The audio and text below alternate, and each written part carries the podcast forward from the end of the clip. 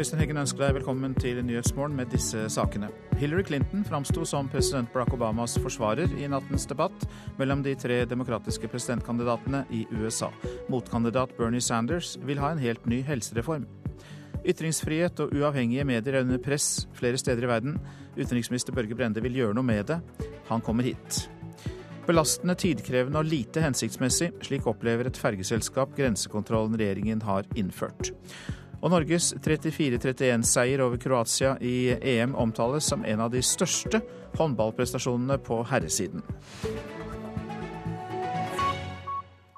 Ja, Hillary Clinton framsto altså som president Barack Obamas store forsvarer i nattens debatt mellom de tre demokratiske presidentkandidatene. Bare få timer før debatten startet, la den selverklærte sosialist sosialdemokraten Bernie Sanders fram et forslag om en helt ny helsereform, til erstatning for Obamas helseforsikringsreform. Og USA-korrespondent Gro Holm, den utløste debatt. Ja, det forslaget utløste debatt. Detaljene er ikke kjent ennå, men Sanders vil altså ha et statlig finansiert system, mer som i Skandinavia. Og han medgir rett ut at det innebærer økte skatter også for middelklassen. Det fikk Hillary Clinton til å reagere. Hør bare på denne ordvekslingen. So we are doing away with private health insurance premiums.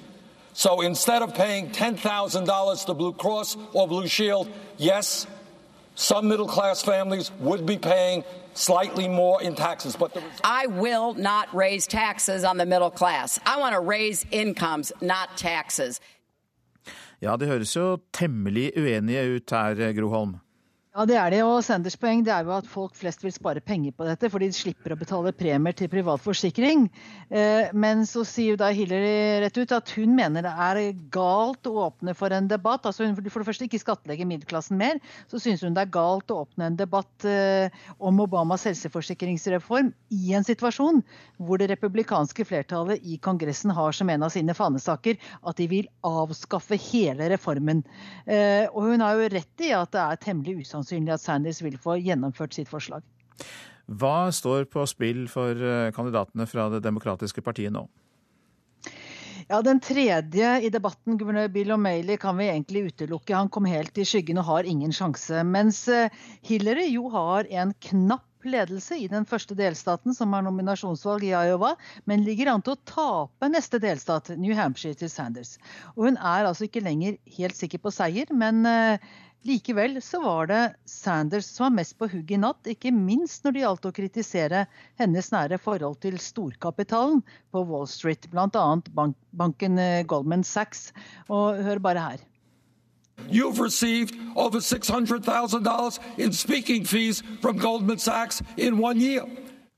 Ja, venn med storkapitalen, hvordan svarte hun på den kritikken? Ja, Hun svarte egentlig ved å vise til at det, er, at det var like mye andre finansierings- og forsikringsselskaper som skapte finanskrisen. Det er jo på en måte det som ligger under diskusjonen rundt Wall Street her, og, og ikke storbankene. Hun svarte ikke konkret på dette med at hun har mottatt foredragshonorar fra Goldman Sachs. Det lot hun bare ligge. Men hun sa at hun vil bruke en lov som Obama-administrasjonen allerede har vedtatt, og sørge for at de store følger lovene og ikke trikser seg unna skatt. Og hedgefondene, sier hun, det, de frykter meg mer enn noen andre. I en slags konkurranse faktisk med Sanders om hvem som er den beste vaktbikkja overfor Wall Street. Og Var det noen saker der Hillary gikk etter Sanders? Det var det. Hun kritiserte ham for å vingle når det gjelder spørsmålet om immunitet for våpenprodusenter, fordi Sanders før har stemt for immunitet og nå har distansert seg fra sin tidligere stemmegivning. Dessuten så var hun på hugget når det gjelder Sanders syn på samarbeid med Iran i kampen mot IS, som vi skal høre her. His you know, Iranian troops be used to try to end the war in Syria and go after ISIS, which I don't think would be a good okay, idea. But the immediate task is to bring all interests together who want to destroy ISIS, including Russia, including Iran. Ja, Du var jo inne på hvordan kandidatene ligger an i kampen om de første delstatene. Men hvis vi ser på de nasjonale målingene, har Sanders noen sjanse der? Tilsynelatende ikke. altså Hillary Clinton ligger eh, ca. 13 foran eh, på nasjonale målinger, om en ser på snittet av de siste målingene. Men Sanders eh, har nei, ja, Sanders har store problemer i sør med afroamerikanere og latinovelgere bl.a. Men han har altså nesten dobbelt så stor oppslutning blant unge velgere som Hillary. Og hvis han klarer å mobilisere ikke minst eh, de nye velgerne, som er nye siden forrige presidentvalg, så eh, er det mulig at Hillary Clinton ikke er sikker på å vinne. Så hun, hun og de som jobber rundt henne, føler seg ikke 100% sikre på at hun kommer til å stå som demokratenes eh, kandidat i sommer. Takk skal du ha, USA-korrespondent Gro Holme. Utenriksdepartementet lanserer i dag en ny strategi for arbeid med ytringsfrihet. Det skal presenteres senere i dag. Og Bakgrunnen er at ytringsfrihet og uavhengige medier er under økt press. Det sier du, utenriksminister Børge Brende. Velkommen hit. Tusen takk. Hvorfor uh, disse justeringene? Det er jo nesten surrealistisk, men i det 21. århundret så er det sånn at andelen av verdens befolkning som lever i land med full pressefrihet, går ned. Og det er bare 14 av verdens befolkning som lever eh, i land med full eh, pressefrihet. I fjor så ble over 115 journalister eh, drept. Og det som er mer skremmende, altså det som er skremmende i tillegg, er at ni av ti av disse drapene de blir ikke ordentlig etterforska, og de eh, som står bak, blir heller ikke eh, straffa. Hvordan skal dere da kunne styrke arbeidet for ytringsfrihet? Det er mange måter vi kan gjøre det på, ikke minst gjennom vår utviklingspolitikk. Vi har godt samarbeid med norske journalister, Norsk redaktørforening, hvor vi har programmer i de mest utsatte landene hvor vi kan styrke eh, opplæring og ikke minst de sidene som er knytta til bedre forståelse av uavhengigheten for pressen. Og så styrker vi også sivile organisasjoner som står opp for ytringsfrihet i mange land hvor vi opplever at den er under press. Det er jo penger til opplæring gjennom utviklingshjelp, men kan lille Norge bidra noe til å bedre ytringsfriheten i land som Russland og Tyrkia f.eks.? Ikke minst gjennom det sivile samfunn eh, så eh, kan vi gjøre en del. Men vi må jo også, eh, i tillegg til å bruke utviklingspolitikken, rette søkelys på det som vi nå opplever som tilbakeskritt. I de to landene som du nevnte, så er jo journalister fengsla, og så er det mye selvsensur når man ser at man kan bli fengsla for det man skriver eller sier som journalist. Eh, så kan det føre til at andre ikke skriver eh, det som eh, de mener er riktig å skrive. Så det som underrapporteres, er jo denne selvsensuren. Så vi må jo gjennom Menneskerettighetsrådet, gjennom samfunnsdebatten og gjennom politiske møter også med representanter for disse landene påpeke dette. Da jeg var i Ankara i forrige uke og møtte med president Erdogan og utenriksministeren og andre i regjeringa, så er det klart at menneskerettigheter og ytringsfrihet var viktige tema som jeg tok opp. Ja, Er det sånn at du ber om å få det på dagsordenen, eller er det sånn at du på slutten av samtalen sier at og for øvrig mener jeg at ytringsfriheten bør bli bedre? Det er et viktig poeng du tar opp, at det må gjøres på en slik måte at det kan gjøre en forskjell. Eh, det kjente norske ta-opp-diplomatiet, eh, liksom bare å krysse av, eh, betyr jo ikke så mye. Men det er at du kan skape prosesser, et samarbeid, som kan bidra til at det faktisk blir en bedring, som er det vesentlige. Men som sagt, det som er skremmende, det er jo at vi i det 21. århundret så ser vi at pressefrihet, dette med grunnleggende rettigheter knytta til ytringsfriheten, er under press. Og mange land sier at nei, vi eh, definerer dette som en, en vestlig eh, rettighet og en vestlig verdi. Men dette er jo universelle verdier. Altså, noe av det mest fundamentale for all frihet i samfunnet er jo at man har retten til å ytre seg, og at man har en uavhengig presse. Takk for at du kom til Nyhetsmorgen, utenriksminister Børge Brende. Og så Litt om det avisen er opptatt av i dag. Joshua French har lidd nok, det sier enken til mannen som ble drept da han var sjåfør for Joshua French og Sjostol Moland. Bibiche Bibice Olendieke sier til VG at hun ber om at den fengslede nordmannen blir benådet og får reise hjem til Norge. Verdien av statens oljeformue stuper med oljeprisfallet, skriver Dagens Næringsliv. Oljeformuen veksles gradvis inn i finansformuen når pengene settes inn i oljefondet, men fortsetter oljeprisen å være så lav som nå, reduseres verdien av oljen tilsvarende en halv million kroner per nordmann. En gruppe jurister vurderer rettssak mot staten for å hindre oljeboring i nord. Til Bergens Tidende sier høyesterettsadvokat Paul W. Lorentzen at eh, vi går mot en varslet klimakatastrofe, og at vi har en regjering som ikke tar hensyn til det hvis den åpner for oljeutvinning i Barentshavet. Jeg skal være varsom med å love noe som helst, sier klimaminister Vidar Helgesen til Aftenposten. Han kan ikke love kutt i klimautslipp her i landet de neste to år, fordi de, ifølge Helgesen altså, ikke påvirkes av beslutninger regjeringen gjør. Fremtidsoptimismen til Torbjørn Røe Isaksen har fått en knekk av den nye delingsøkonomien. Kunnskapsministeren frykter, at, eh, vel, frykter for velferden og spår økende press på trygge og godt betalte jobber, kan vi lese i Klassekampen. Mottakerne av Nav-ytelser er blitt fattigere de siste åra, skriver Dagbladet. En kartlegging Nav har gjort selv, viser at eh, andelen fattige blant de langtidsledige har økt. Det samme har antall fattige uføre, og andelen aleneboende med minstepensjon har økt. 62 personer eier like mye som 3,5 milliarder av verdens befolkning, og ulikhetene øker, viser en rapport fra den britiske hjelpeorganisasjonen Oxfam, gjengitt i Dagsavisen. Det er grotesk, det sier professor ved Økonomisk institutt ved Universitetet i Oslo, Kalle Moene. Elbilene koster bomringen 146 millioner kroner, er oppslaget i Finansavisen. Det var 6,1 millioner gratis passeringer med elbil i Oslo i fjor, og antallet er tredoblet på tre år. Og så tar vi med at kvinner i Vest-Agder er best i landet til å stumpe røyken. Det kan vi lese i Federlandsvennen. 39% av dem røyka for 15 år siden. Nå er andelen redusert til 11. 16 av verdens beste tennisspillere blir etterforsket for kampfiksing, viser dokumenter BBC og nettstedet BuzzFeed har fått tilgang til. Ingen eh, spillere blir navngitt, men åtte av dem skal delta i Australian Open, som starter i natt norsk tid. Dokumentene fra etterforskningen viser at gamblingsyndikater i Russland og Italia tjente flere millioner kroner på å satse penger på kamper som etterforskerne tror var fikset. Norges 34-31-seier over Kroatia i EM i går omtales som en av de største håndballprestasjonene på herresiden. Nå har de norske håndballherrene plutselig gode muligheter til å bli gruppevinner med seier over Hviterussland i morgen.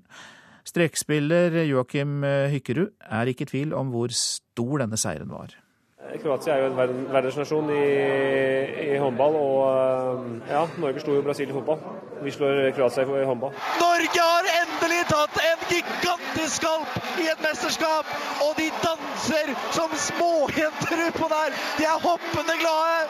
Norge 34, Kroatia 31. Ja, det var en av de deiligste. Det var utrolig godt. Det var deilig. Slik omtaler Espen Lie Hansen seieren over håndballstormakten Kroatia i går kveld. Han får støtte av lagkompis Christian Bjørnsen. Jeg hørte jo vi hadde aldri slått dem før i et mesterskap, så det er jo en skikkelig skalp å få og ta. Så det viser jo egentlig hvor høyt eh, maksnivået vårt er. NRKs håndballekspert Håvard Tveten er svært imponert over omstillingen til det norske laget etter ettmålstapet mot Island på fredag. De går på hotellet sitt, børster støvet av eh, skuldrene, reiser seg opp, kommer her og presterer en vanvittig bra håndballkamp. og Det er bare respekt. Med seier over gruppas antatt letteste motstander Hviterussland på tirsdag, kan Norge stå igjen som gruppevinnere. Men playmaker Sander Sagosen advarer mot å ta for lett på det hviterussiske laget som overraskende slo Island i går. Vi vet at det blir knalltøft. så De tar en skarp her mot Island og skårer vel 37-38 mål mot et islandslag vi skårer 23-24 mål på. Så det blir knalltøft. Så vi må nullstille oss og ta den oppgaven med 100% seriøsitet. Reporter, det var Ørjan Bjørnstad. Klokka den uh, har passert 6.47, eh, og du lytter til Nyhetsmorgen. Dette er hovedsaker. Regjeringen foreslår å utvide retten til barnehageplass til å gjelde ettåringer som er født i september og oktober, melder NTB. I dag er det kun barn som er født innen 31.8 som har rett til barnehageplass. Nordsjøolje ble en kort periode omsatt for under 28 dollar fatet i Asia i natt, kort tid etter at sanksjonene mot Iran ble lettet. Sist nordsjøolje ble omsatt til så lav pris, var i november 2003. Og flere norske bedrifter vil trolig etablere seg i Iran når det er lettelser i straffetiltakene mot landet. Det tror Norges ambassadør, og mer om det etter klokka sju. Belastende, tidkrevende og lite hensiktsmessig. Ja, Slik opplever Color Line grensekontrollen regjeringen har innført. Siden Norge trappet opp kontrollen i slutten av november, har Norges største fergeselskap kun avvist en promille av passasjerene. Ja, det er godt å kontrollere litt. Jeg trenger det. Verken passasjerene eller opposisjonen protesterte da regjeringa innførte grensekontroll på ferja og populære innfartsårer den 26.11. i fjor. Målet var bl.a. å unngå storskogtilstander på danskeferja. Det har vi for så vidt aldri trodd, og nå får vi det bekreftet. Sier kommunikasjonsdirektør i Color Line, Helge Otto Mathisen. I nesten åtte uker har ferjeselskapene som reiser mellom Norge og utlandet, sjekka pass og eventuelle visumpapirer på alle reisende. Vi håper at det er mulig å kunne komme i en, en dialog eh, med myndighetene om hvordan dette skal være fremover, slik at ikke dette blir en permanent ordning. Han forteller at de ansatte i Norges største ferjeselskap syns det er belastende å måtte nekte fortvilte mennesker å gå om bord i ferja fordi de ikke har de riktige papirene. Det oppleves belastende for våre ansatte i skrankene, og det er tidkrevende og ressurskrevende. Og man forstår ikke helt eh, fordi at det er så få som blir avvist i forhold til de som reiser. Så dette er en, en, en, stor personlig belastning også. Men det er ikke mange som blir avvist. Siden grensekontrollen ble innført, har i underkant av 200 000 passasjerer reist med Color Line fra Sverige, Danmark eller Tyskland. Og av dem Så er det 130 eh, som er avvist eh, når de kom til en av våre terminaler i Europa. NRK har også spurt Politidirektoratet hvor mange politiet har stoppa siden grensekontrollen ble forsterka. Svaret er 23 registrerte bortvisninger så langt. Tross de lave tallene har regjeringa bestemt seg for å forlenge grensekontrollen enda en gang. Nå var den fram til 14.2. Ja, vi mener at det er behov for grensekontroll for å ha kontroll på hvem som kommer til Norge. Sier innvandrings- og integreringsminister Sylvi Listhaug. Vi ser at både det som Danmark har gjort, og ikke minst Sverige, har hatt veldig stor effekt eh, for Norge. Det er en del av grunnen til at det kommer færre asylsøkere til Norge nå. Eh, og det gir oss et pusterom nå til å kunne håndtere situasjonen. Reporter Siv Sandvik. I dag starter rettssaken mot en 80 år gammel mann fra Sarpsborg i Østfold. Han er tiltalt for forsettlig drap på kona si. Den 17. Eh, mars i fjor så skjøt mannen sin sju år yngre ektefelle på soverommet i parets hjem. Han har erkjent de faktiske forholdene, men ikke straffskyld. Mannen har sittet i varetekt med dårlig helse siden drapet skjedde, så forsvarer Harald Otterstad sier hans klient nå ser fram til å få saken opp for retten. Ja, Han ser frem til eh, mandagen, og det har han gjort svært lenge. Han har sittet i varetekt bortimot ti måneder, og vi har forsøkt eh, gjennomgående å appellere til lagmannsrett og også til Høyesterett om å løslate ham, men det her har vi ikke nådd fram. Men eh, han har jo i hvert fall hatt god tid til å tenke på dette her, og han er forberedt og absolutt klar for å gå og ta fire dager i retten. Nå skal vi høre at det er flere tenåringsjenter som sliter med undervekt enn overvekt på eh, Sørlandet og Østlandet. Hver tiende 17 år gamle jente i Norge mener selv hun er undervektig. Undervekt det er underkommunisert. Det store fokuset på overvekt kan virke ødeleggende. Ja, det mener psykologspesialist Karianne Vrabel det har vært mye fokus på overvekt. Og det at man fokuserer på overvekt, eh, som er også viktig, eh, og hvordan man skal forebygge det, det kan føre til at de som er i den andre ytterpunkten av skalaen, da, som har en lav BMI, eh, at de blir trigget av den type forebygging. Så spørsmålet er hvordan vi skal klare å ha disse to tankene i hodet samtidig. da. Psykologspesialist Karianne Vrabel ved Modum Bad hjelper mange som sliter med spiseforstyrrelser. Hun er bekymret over utviklingen og får støtte av klinisk ernæringsfysiolog Tine Sundfør. Sundfør får stadig flere pasienter som veier for lite, samtidig som hun hjelper mange som veier for mye. Det er jo det at Vi ser en større og større polarisering i samfunnet. Og dette her er jo helt klart en stor helsemessig utfordring i Norge. Siden 2010 har alle 17-åringer fått tilsendt et skjema fra Vernepliktsverket der de fyller inn høyde og vekt. De nyeste tallene fra 2014 viser at 9% av jentene og 7% av guttene er undervektige. Det vil si at de har en BMI under 18,5. I deler av landet er undervekt et større problem enn overvekt. Sundfør mener mange, spesielt unge jenter, bruker mye energi på å holde vekten lav. De stiller veldig veldig strenge krav til seg selv på mange områder, og også at de stiller så strenge krav i forhold til hva du tenker at er sunt og usunt, sånn at det til slutt tar helt av og kan utvikle seg til en psykisk sykdom. Men vi må skille veldig mellom det å ha f.eks. anoreksia nevrosa, som er en psykisk sykdom, og det å ha et, allikevel å ha et anstrengt forhold til til kroppen sin og vekt og mat. Psykologspesialist Karianne Vrabel tror mange ikke er klar over hvilke konsekvenser det kan få å veie for lite. Først og fremst er det jo at hun kan streve med barnløshet og infertilitet. Eh, fordi de mister jo menstruasjonen sin. Det fører også til at de kan få benskjørhet, osteoporoseproblematikk. Eh, de kan også bli eh, deprimerte, triste, tvangspregete, veldig opptatt av detaljer. Ehm, det er også studier som kan ha vist at man kan få endringer på hjernens funksjon. Hva synes du om at det er et mye større fokus på dette med overvekt enn undervekt? Det må, må, kunne gå an å ha to tanker i hodet samtidig. Jeg er redd for at grunnen til at vi underkommuniserer dette med undervekt, har med at det er ikke tvil om at vi i samfunnet i dag og i vår kultur har et type skjønnhetsideal som er knytta opp til eh, estetikk når det gjelder kropp, som eh, dyrker lite fett, og, eh, og et tynnhetsideal. Når noen er undervektige, så kan vi fort begynne å betrakte det som en type normaltilstand. Eh, og det er kanskje min bekymring når det gjelder underkommunisering av dette. Til slutt psykologspesialist Karianne Vrabel ved Modum Bad, reporter Heidi Odde Karstensen. 1700 statister, 150 filmarbeidere og amerikanske filmstjerner. Ja, i dag starter innspillingen av Jo Nesbøs 'Snømannen' i Oslo. Og på det meste så skal 300 statister være med i en og samme scene. En av dem er fotograf Harald Lundstein. Det er Nesten flaut å si det, men den, den uh, 'Snømannen' hadde jeg lånt bort og ikke fått igjen. Så uh, her her har vi politi. Researchen er på plass når eh, Harald Lundstein er en av 1700 statister som skal være med når Jo Nesbø si sjuende bok 'Snømannen' nå blir storfilmen 'Snømannen'. Produsert av Universal Pictures. Produksjonen blir Norges største filmproduksjon, og innspillinga starter i Oslo i dag. Hvor mye informasjon har dere fått? da? Veldig lite. Det er mange hemmeligheter rundt innspillinga, og vi veit lite enda. Det vi har funnet ut, er at regissør er svenske Thomas Alfredsson, og de tre største rollene Rebekka Ferguson og Charlotte Gainsberg skal være med.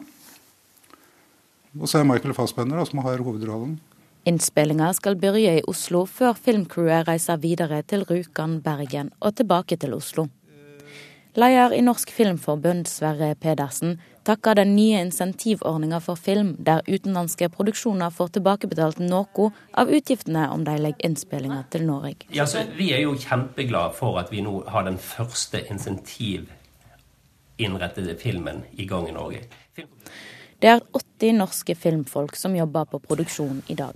Mange i roller som er langt mindre prestisjetunge enn de pleier. Her får vi en regissør som virkelig er høyt internasjonal kaliber. Og vi får en eh, meget, meget dyktig fotograf og fagsjefer eh, med, med top notch eh, kompetanse. Så det er klart at det er kjempespennende for dette crewet å kunne lære masse av veldig dyktige internasjonale toppfolk. Statisten Lundstein er klar for sin film nummer to, etter 'Kongens nei', som ble spilt inn i fjor. Men nå tror han statistkarrieren er over. Jeg tror vi får stoppe der. Hvis det ikke kommer noe sånn spesielt fra Hollywood igjen, da det er klart at uh, kommer det et privatfly og henter meg her på flyplassen på Elverum og flyr meg over, så nei da, det er bare tull. og reportasjen var laget av Maria Pile Svåsand. Så skal jeg ta for meg værvarselet. Fjell i Sør-Norge. Første del av dagen liten vestlig kuling utsatte steder. Det blir snøbyger i vest- og nordlige fjellområder. Østland og Telemark ser vi samlet, og det blir lettskyet vær der. Lokal frostrøyk eller tåke. kan det bli. Agder enkelte snøbyger i vest, ellers stort sett pent vær. Fra ettermiddag skyer det til, og etter hvert også litt snø i Agder, men mest nedbør i sørlige områder. Rogaland enkelte snøbyger, mest i ytre strøk. I kveld oppklarning. Hordaland og Sogn og Fjordane skyet eller delvis skyet, og noen snøbyger. Møre og Romsdal oppe i stiv vestlig kuling på kysten i nord. Fra utpå ettermiddagen nordlig liten kuling på kysten, først i sør. Og så seint i kveld minkende vind. Det blir skyet eller delvis skyet, og noen snøbyger i Møre og Romsdal. Og Vi går nordover til Trøndelag, som får vestlig stiv kuling på kysten sør for Trondheimsfjorden først på dagen. Seint i kveld nordvestlig liten kuling på kysten. Det blir skyet eller delvis skyet vær og noen snøbyger. Nordland enkelte snøbyger, men også lange perioder med oppholdsvær. Troms sørøstlig liten kuling utsatte steder. Først på dagen opp i sterk kuling i Nord-Troms. Men i kveld blir det bris. Lettskyet vær i Troms, men noe mer skyet i Sør-Troms og i grensetraktene. Finnmark sørøstlig liten kuling utsatte steder. Først på dagen sterk kuling i vestlige områder. Minkende vind utover dagen. Det blir noen snøbyger i øst, ellers delvis skyet, stort sett oppholdsvær i Finnmark. Og vi går ut til Nordensjøland på Spitsbergen. I ettermiddag liten kuling, og det blir spredt snø. Og temperaturene de ble målt klokka fire. Svalbard lufthavn minus én, og vi fortsetter med minusgrader. Kirkenes 14, Varde 5, Alta 19, Tromsø 9, Bodø 6, Brønnøysund 2. Så var det null grader både i Trondheim og Molde. Og vi fortsetter med minusgrader langs kysten. Bergen minus 3, Stavanger 2, Kristiansand-Kjevik 17, Gardermoen 15. Lillehammer 16, Røros 7, mens Oslo-Blindern har det minus 12.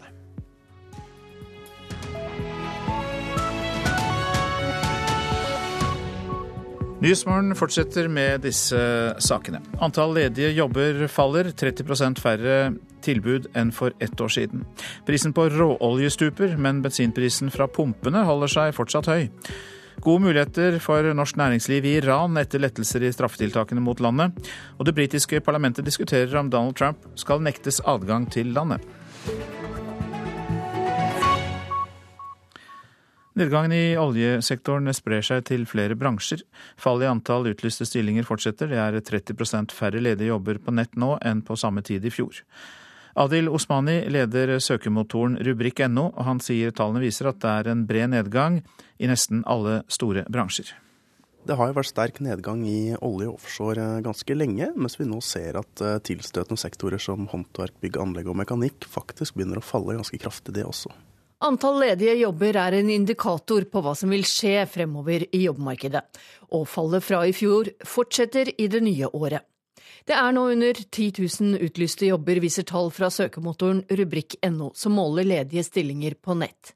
Antall ledige jobber i oljerelaterte bransjer går ned med 29% den siste måneden, og 80% sammenlignet med samme tid i fjor.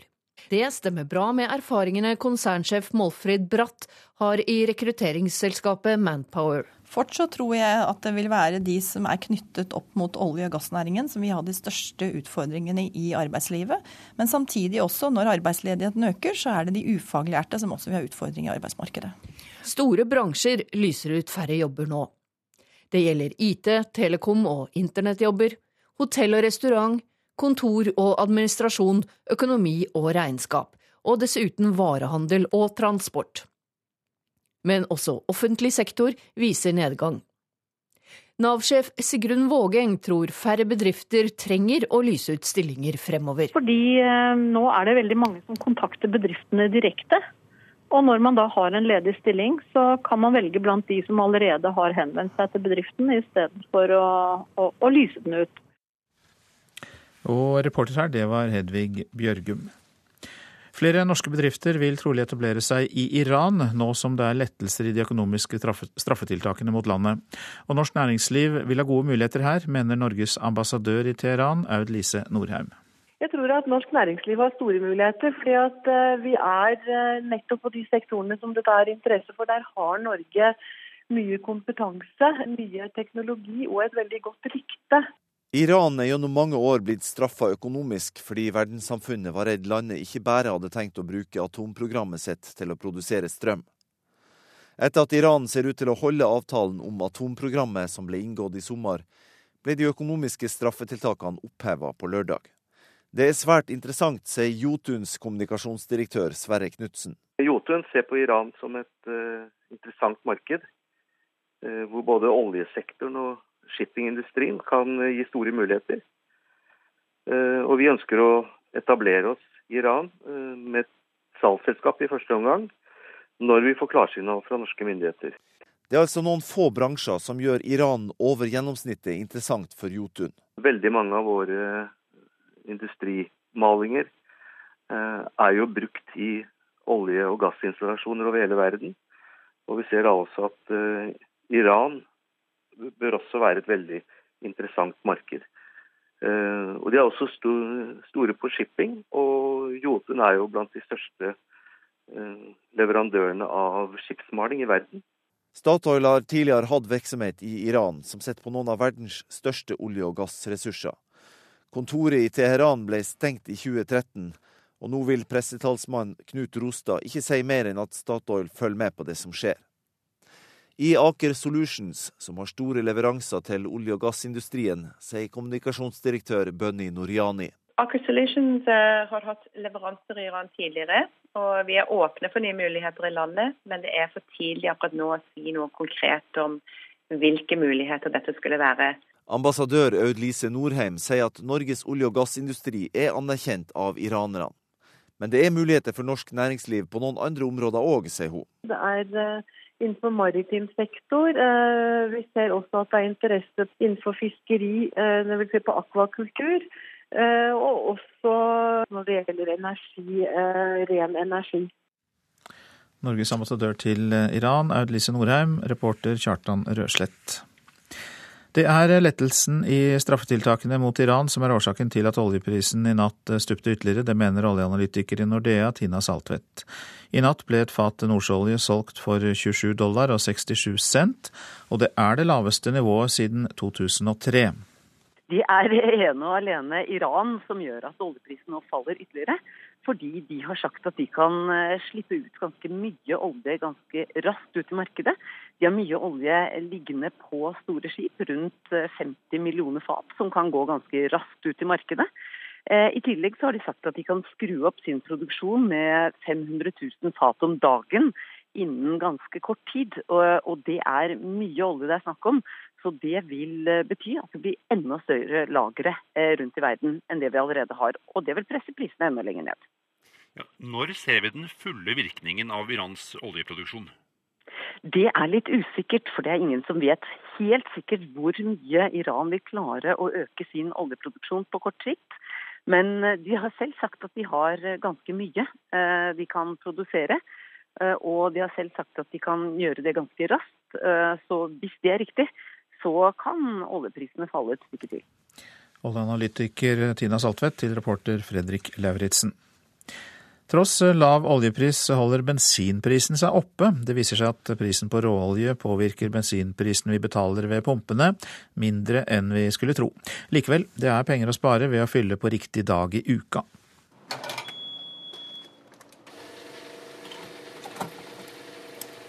Pleier du å tenke over når du fyller bensin? Å oh ja, absolutt. Søndag, det er tingen, vet du. Så det er derfor du er her i dag? Yes. Det er jo søndag i dag, så enten søndag eller mandag hvis jeg har mulighet. Køen er lang ved en av de mange bensinstasjonene i Stavanger denne søndagen. Det har en naturlig årsak, ifølge Klaus Moen, som er professor i petroleumsøkonomi ved Universitetet i Stavanger. Analyser og undersøkelser har vist at helgene peker seg ut med søndagen som kanskje den mest prisgunstige dagen for å fylle bensin. Men hvorfor er det egentlig slik? Joar Skorpe, daglig leder for bensinstasjonen Tanken, forklarer svingningene på markedet.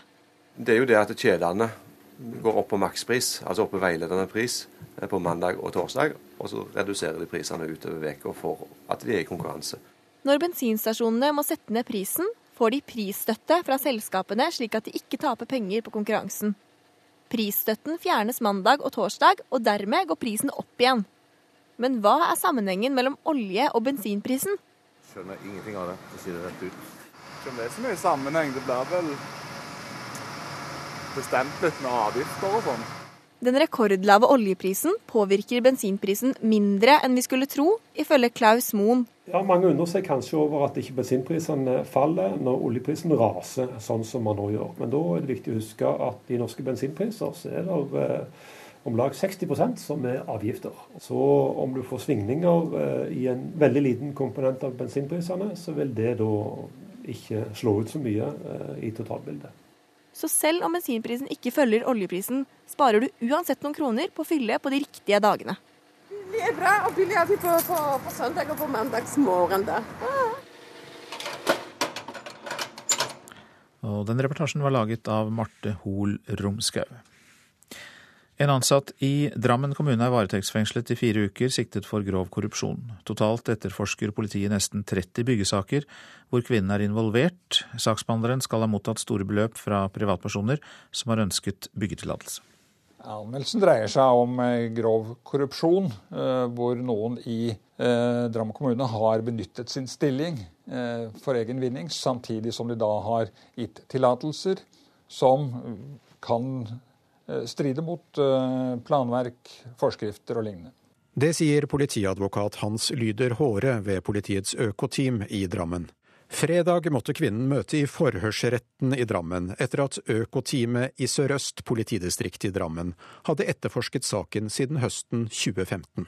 I forhørsretten nektet kvinnen for straffskyld, men ble ikke hørt av dommeren, som også ila henne brev- og besøksforbud samt medieforbud og det dreier seg om byggetillatelser. Politiadvokaten bekrefter at kvinnen har behandlet flere titalls byggesaker hvor det er mistanke om korrupsjon, ved at utbygger kan ha fått en utilbørlig fordel. Ut fra de anmeldelsene, eller den anmeldelsen vi fikk, og de konkrete prosjektene, eh, så er det vel åpenbart at eh, mange av disse tillatelsene aldri ville bli gitt. Saken strekker seg tilbake til 2013. Gjennom etterforskningen er det kommet fram at kvinnen i flere sammenhenger har mottatt penger fra privatpersoner som ønsket byggetillatelse fra kommunen.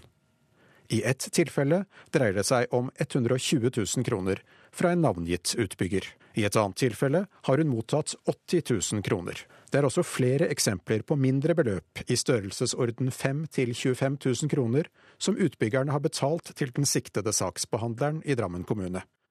Noen ganger er pengene betalt kontant, andre ganger i form av overføringer til kvinnens bankkonto. Jeg kan ikke uttale meg om totalsum på nåværende tidspunkt. Det er for tidlig. Det ville være et eh, arbeid som vår politirevisor bl.a. må gå gjennom når eh, vi får alle, sett på alle de opplysningene som vi nå bl.a. har beslaglagt. Men det er på det rene at det dreier seg om konkrete transaksjoner mellom vedkommende og tiltakshavere? Det vi ser eh, av bl.a. kontoskrifter, er at enkelte tiltakshavere har overført faktisk penger på konto til den som nå er tatt. Og vi legger til at kvinnen nekter straffskyld. Hennes forsvarer ønsker ikke å kommentere saken. Reporter Bjørn Olav Nordahl. Grensekontrollen som ble innført i november er belastende, tidkrevende og lite hensiktsmessig. Det mener fergeselskapet Color Line. Målet med kontrollen er bl.a. å unngå at danskebåtene blir den nye innfartsåren for asylsøkere som vil til Norge. Men dette er belastende for de ansatte, sier kommunikasjonsdirektør Helge Otto Mathisen i Color Line. Det er tidkrevende og ressurskrevende, og man forstår ikke helt eh, fordi at det er så få som blir avvist i forhold til de som reiser. Så dette er en, en, en stor personlig belastning også. Siden grensekontrollen ble innført, har i underkant av 200 000 passasjerer reist med Color Line fra Sverige, Danmark eller Tyskland. Og av dem Så er det 130 eh, som er avvist eh, når de kom til en av våre terminaler i Europa. NRK har også spurt Politidirektoratet hvor mange politiet har stoppa siden grensekontrollen ble forsterka. Svaret er 23 registrerte bortvisninger så langt. Tross de lave tallene har regjeringa bestemt seg for å forlenge grensekontrollen enda en gang. Nå var den fram til 14.2. Vi mener at det er behov for grensekontroll for å ha kontroll på hvem som kommer til Norge. Innvandrings- og integreringsminister Sylvi Listhaug til slutt der, og reporter var Siv Sandvik. Du lytter til Nyhetsmorgen, og for få sekunder siden så passerte klokka 8.45. Dette er hovedsaker. Det brenner nær et sprengstofflager i Sogndalen i Vest-Agder. Det skal være lagret dynamitt i en container like ved brannen. Politiet forsøker å få opp en drone for å få oversikt over området. Kommunal saksbehandler i Drammen fikk penger fra utbyggere, er fengslet og siktet for grov korrupsjon. Prisen på råolje stuper, men bensinprisen fra pumpene på norske bensinstasjoner holder seg fortsatt eh, høy.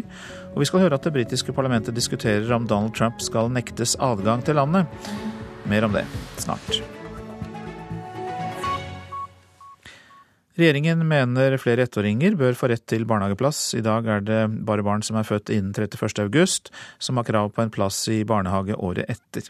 Nå vil regjeringen også gi den samme retten til barn som er født i september og oktober. Og statssekretær i Kunnskapsdepartementet Birgitte Jordal, dere hjelper jo noen barn gjennom dette tilbudet. Hvor mange kan det være snakk om? Det dreier seg om eh, finansiering for 9600 nye barnehageplasser. Eh, så det vil jo si at alle de barna som nå er født i september-oktober, da vil kunne få en barnehageplass. Hvordan skal, det, hvordan, hvordan skal det finansieres? Dette er finansiert gjennom midler som ligger uh, i rammen i dag. Det vi så i fjor når vi innvilget 3400 nye barnehageplasser fra august, var at ikke alle kommunene var like gode til å benytte disse midlene. Så ved at vi innfører nå en lovfestet rett for disse barna født i september-oktober, det vil jo legge press på utviklingen. Ja, det er jo da fint for eh, de barna, men hvorfor ikke et løpende barnehageopptak? Da hadde jo dette problemet forsvunnet helt. Ja, og det er også regjeringens intensjon. Vi jobber for å få et mer fleksibelt barnehageopptak. Eh, det vi ser er at mange kommuner, også ganske store kommuner, har løpende opptak. Så de har hatt eh, muligheten til å innføre dette med de rammene som foreligger. Eh, og så pusher vi litt de som ikke klarer det. Jo, men er det slik at det eneste som er problemet er at kommunene ikke gjør som dere sier, at dere skal pushe dem, som du sier? Jeg sier at det ligger nå 740 millioner kroner i rammen til nye barnehageplasser. Og da er det viktig at kommunene bruker disse midlene til å bygge de barnehageplassene som vi trenger. Hvor langt unna er vi at eh, alle ettåringer eh, får eh, barnehageplass eller rett til det året etter de er født? Ja, jeg er ikke helt sikker på tallene, men det er klart at antall plasser har økt. Det begynner nå å se veldig bra ut i en rekke kommuner, og mange kommuner tar det på alvor. og Vi følger selvfølgelig utviklingen nøye. Hva er ditt tips om når dette er på plass, da? Nei, Det er vanskelig å si. Som sagt så har jeg stor tro på at ved å legge inn en utvidet rett for barnehageplass, også vil bevisstgjøre kommunene i at disse plassene må på plass. Takk skal du ha, statssekretær i Kunnskapsdepartementet Birgitte Jordal. Og eh, leder i SV, Audun Lysbakken, eh, sier regjeringen eh, med denne reformen likevel ikke oppfyller det de har lovet Det er fint at retten utvides, men dette skulle skjedd for flere år siden. Den rød-grønne regjeringen foreslo det i 2013. Denne regjeringen avskaffet det. Sannheten er at barnehagereformen har stoppet helt opp under de blå. De satser på helt andre ting enn barnehager. Uh, vi skulle vært i mål nå med et mer løpende opptak, to opptak i året. Da hadde småbarnsfamiliene fått den fleksibiliteten som de ikke får av Erna Solberg. I dag er det barn som er født før 31.8 som har rett til å få barnehageplass året etter. Dermed er det noen barn som kan måtte vente til de er nærmere to år før de får barnehageplass.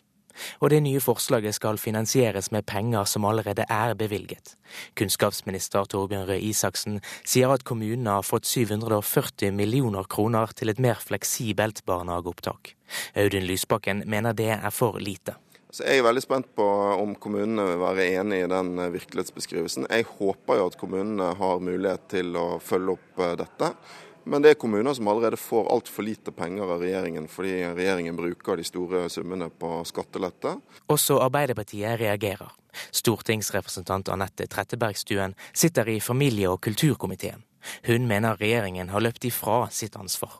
Dette er et bitte lite skritt i riktig retning. Jeg kunne ønske regjeringen fulgte etter Arbeiderpartiet og satte datoen til 31.12. for å gi enda flere barn rett til plass. Men dette er jo langt ifra det barnehageløftet som Høyre hadde når de gikk til valg. De lovte løpende opptak for alle. Det løftet har de løpt ifra. Reporter her, det var Eirik Tufteland Kroken. Lars Roar Langslett er eh, død etter lengre tids sykeleie. Han ble 79 år. Langslett satt på Stortinget for Høyre i 20 år, og han var Norges første kulturminister. Lars Roar Langslett var også redaktør av tidsskriftet Minerva i 1957 og fram til 1968, og han skrev flere bøker. Bare timer før nattens debatt mellom demokratenes presidentkandidater i USA la en av dem, Bernie Sanders, fram et forslag til ny helsereform. Sanders vil at helse til alle skal finansieres over skatteseddelen, mens Hillary Clinton forsvarte president Barack Obamas helseforsikringsreform.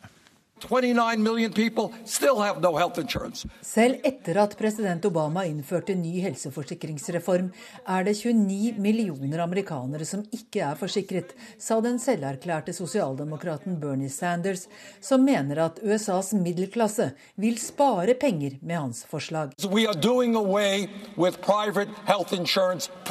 Vi kvitter oss med premiene til de private forsikringsselskapene, så i stedet for å betale 10 000 dollar hvert år til dem, så vil middelklassen få en viss skatteøkning, medga Sanders, hvorpå Hillary Clinton svarte.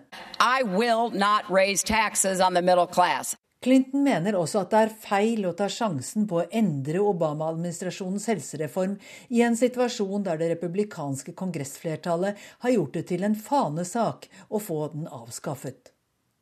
I en debatt der de to hovedkandidatene nærmest konkurrerte om å distansere seg fra storkapitalen på Wall Street, blir spørsmålet mye om hvem velgerne har mest tillit til. Men når det gjelder synet på Irans rolle i kampen mot IS, var de klart uenige. His you know, Iranian troops be used to try to end the war in Syria and go after ISIS, which I don't think would be a good idea. Hans forslag om at iranske styrker skal brukes for å få slutt på krigen i Syria og gå etter IS, tror jeg ikke er noen god idé, sa Hillary Clinton. Groholm, Washington. Og i eh, ettermiddag skal parlamentet i Storbritannia debattere om de skal nekte Donald Trump eh, adgang til landet. Trump eh, kjemper om å bli republikanernes presidentkandidat i USA, og han har hisset på seg tusenvis av briter med kontroversielle uttalelser om muslimer og innvandrere. Donald J. Trump is calling for a total and complete shutdown of Muslims entering the United States. Donald Trumps kontroversielle uttalelse om å nekte alle muslimer adgang til USA har skapt et voldsomt engasjement mange steder, ikke minst her i Storbritannia. Statsminister David Cameron ble f.eks. raskt utfordret av Labours parlamentsmedlem Tulip Siddiq. Siddiq. Som minnet statsministeren på at det er fullt mulig for Storbritannia å nekte folk innreise dersom de har meninger som ikke er bra for samfunnet, og hun håpet at det også gjaldt milliardærer. The Prime Minister agree that the law should be applied equally to everyone, or should we be making exceptions for billionaire politicians?